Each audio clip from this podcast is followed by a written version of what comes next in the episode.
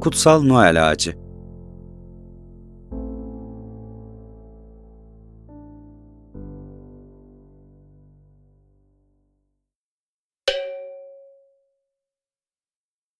Ben bir romancıyım ve sanırım bu hikayeyi ben yazdım.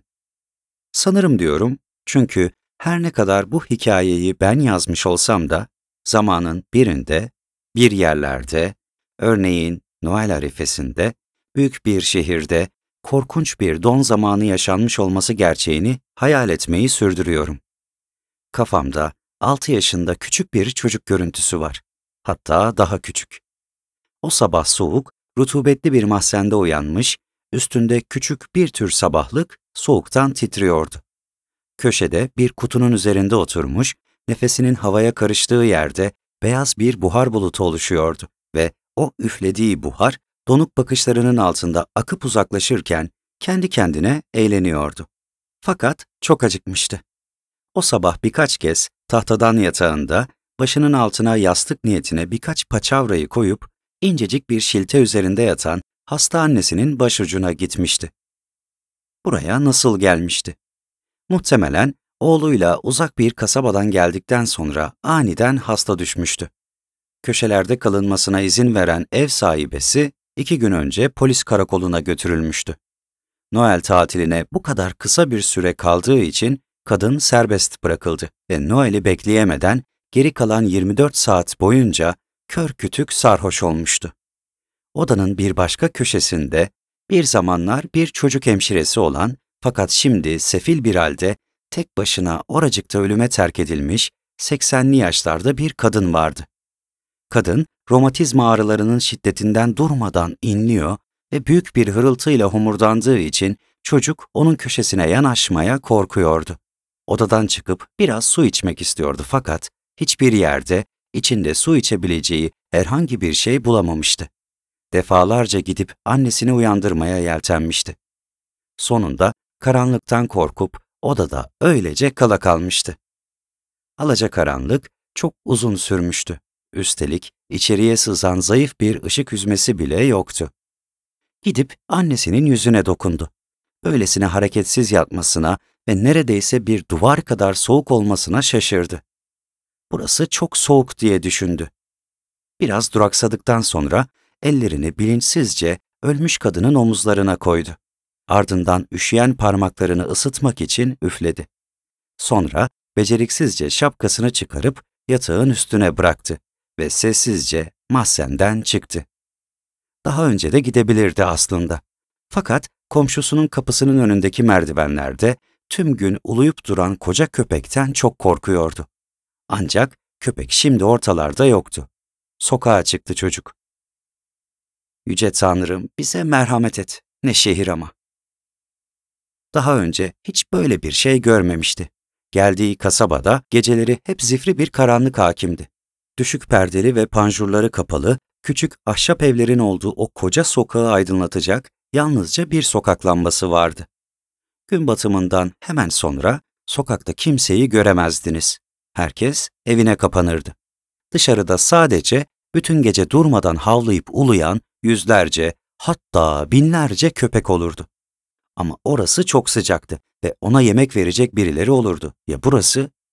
Ah yüce Tanrım, yiyecek bir şeyler bulabilseydi ve buradaki gürültü, at arabalarının takırtısı, ışıklar, insanlar, ya bu dondurucu soğuk?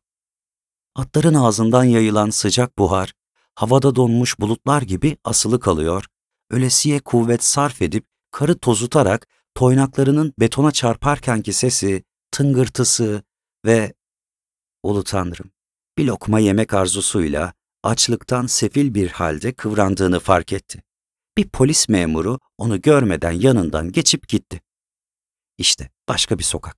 O kadar büyük ki yol boyunca birbiriyle yarışır gibi bağıran insanlar ve ışıklar, ışıklar. Bu da neyin nesi? Camdan kocaman bir pencere ve pencere boyunca tavana kadar uzanan bir ağaç. Bu bir kökner ağacıydı. Üzerinde öylesine çok ışık, altından yapraklar, elmalar, oyuncak bebekler ve atlar vardı ki odanın içinde temiz giyimli çocuklar dört bir yana koşturuyor, gülüp oynuyor, ve istediklerini yiyip içiyorlardı. Derken küçük bir kız çocuklardan biriyle dans etmeye başladı. Ne kadar da sevimli bir kız çocuğuydu. Pencereden içerideki müzik sesi duyulabiliyordu. Merakla içeriye bakıp gülümsedi. Ayak parmakları soğuktan sızlıyordu. Kızarıp katılaşan elinin parmaklarını ise zorlukla oynatabiliyordu. Çocuk birden el ve ayak parmaklarının ne kadar acıdığını hatırladı. Ağlamaya başladı ve koştu. Yine diğer bir pencereden başka bir Noel ağacı daha gördü. Üstü çeşitli keklerle dolu bir masa, bademli, sarı, kırmızı. Masanın başında üç hanım oturmuş, gelen herkese keklerden veriyorlardı. Kapı açıktı ve sokaktan kadın ve erkekler sürü halinde akın ediyorlardı içeriye. Çocuk kapıya kadar ilerleyip bir anda içeriye girdi. Ah, ona nasıl da bağırıp kovdular. Bir hanım hızla ona yaklaşıp eline bir kopeklik sıkıştırdı ve hemen kapıyı açıp sokağa attı onu. Nasıl da korktu. Soğuktan kızarmış parmaklarıyla sıkıca tutamadığı kopek ellerinin arasından kayıp çınlayarak merdivenlerden yuvarlandı. Çocuk nereye gittiğini bilmeden koşarak uzaklaştı oradan. Tekrar ağlamaya hazırdı. Ancak öylesine korkmuştu ki parmaklarına üfleyerek durmadan koştu, koştu. Perişan bir haldeydi. Birden kendini hiç olmadığı kadar kimsesiz ve korkmuş hissetti. Yüce Tanrı bir kez daha merhamet et bize.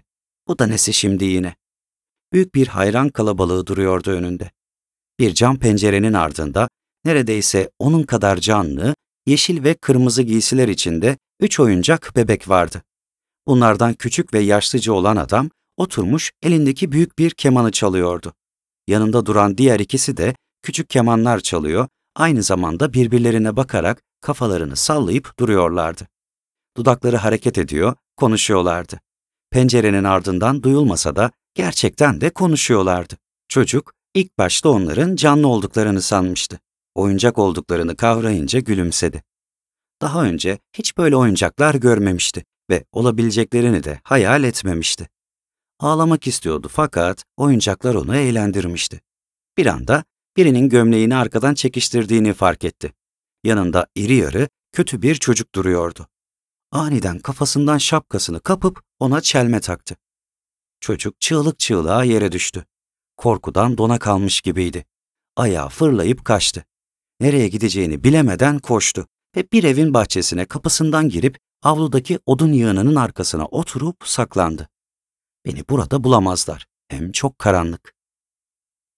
Korkudan nefesi kesilmişti. Üzülüp oturdu ve aniden çok mutlu hissetti. Birden ellerinin ve ayaklarının sızlaması durdu ve adeta bir sobanın yanındaymışçasına ısınmaya başladı. Derken tüm bedeni güçlü bir uyuma arzusuyla sarsıldı. Burada uyumak ne kadar da güzel. Burada biraz oturduktan sonra gidip oyuncaklara bakarım yine dedi ve onları düşünerek gülümsedi. Tıpkı canlı gibiydiler. Birden annesinin şarkı söylediğini duydu. Anne, çok uykum var. Burada uyumak ne kadar da güzel. Aniden yumuşak bir ses, Noel ağacıma gel küçüğüm, diye fısıldadı kulağına. Bu sesin de annesine ait olduğunu zannetti. Fakat hayır, annesi değildi. Kimdi onu çağıran göremiyordu. Fakat karanlıkta biri eğilip onu kucağına aldı. O da sesin sahibine sarıldı. Ve birden ne kadar da parlak bir ışık, ne kadar da güzel bir Noel ağacı. Fakat bu kökler ağacı değildi. Hiç böyle bir ağaç görmemişti. Neredeydi şu an? Her taraf ışıl ışıl parlıyordu ve etrafında bir sürü oyuncak bebek vardı. Fakat hayır, oyuncak değildi bunlar. Parıltılar içinde oğlan ve kız çocuklarıydı. Onun etrafında uçup öpüyorlardı onu. Sonra onu da aralarına alıp hep birlikte uçmaya başladılar. O da uçuyordu. Birden annesinin neşeyle gülümseyerek onu izlediğini gördü. Anne, anne burası ne kadar da güzel bir yer. Ve sonra çocukları öpüp onlara daha önce oyuncak dükkanında pencereden gördüğü oyuncakları anlattı. Hayranlıkla gülümseyerek, ''Sizler de kimsiniz çocuklar?'' diye sordu. ''Bu İsa'nın Noel ağacı.'' diye yanıtladılar. İsa'nın her zaman Noel'de ağacı olmayan çocuklar için bir ağacı vardır. Bütün bu kız ve oğlan çocuklarının tıpkı onun gibi olduklarını anlattı. Kimisi ailesi tarafından daha bebekken bir sepetin içinde iyi niyetli Petersburgluların kapı eşiklerine bırakılıp donarak ölen, bazıları yetimhanede Finli kadınlar tarafından boğulmuş olarak bulunan, bir kısmı Samara kıtlığı nedeniyle annelerinin sütü olmadığı için, kimisi de üçüncü sınıf tren vagonlarında kötü şartlardan dolayı ölen çocuklardı. Fakat şimdi hepsi buradaydı.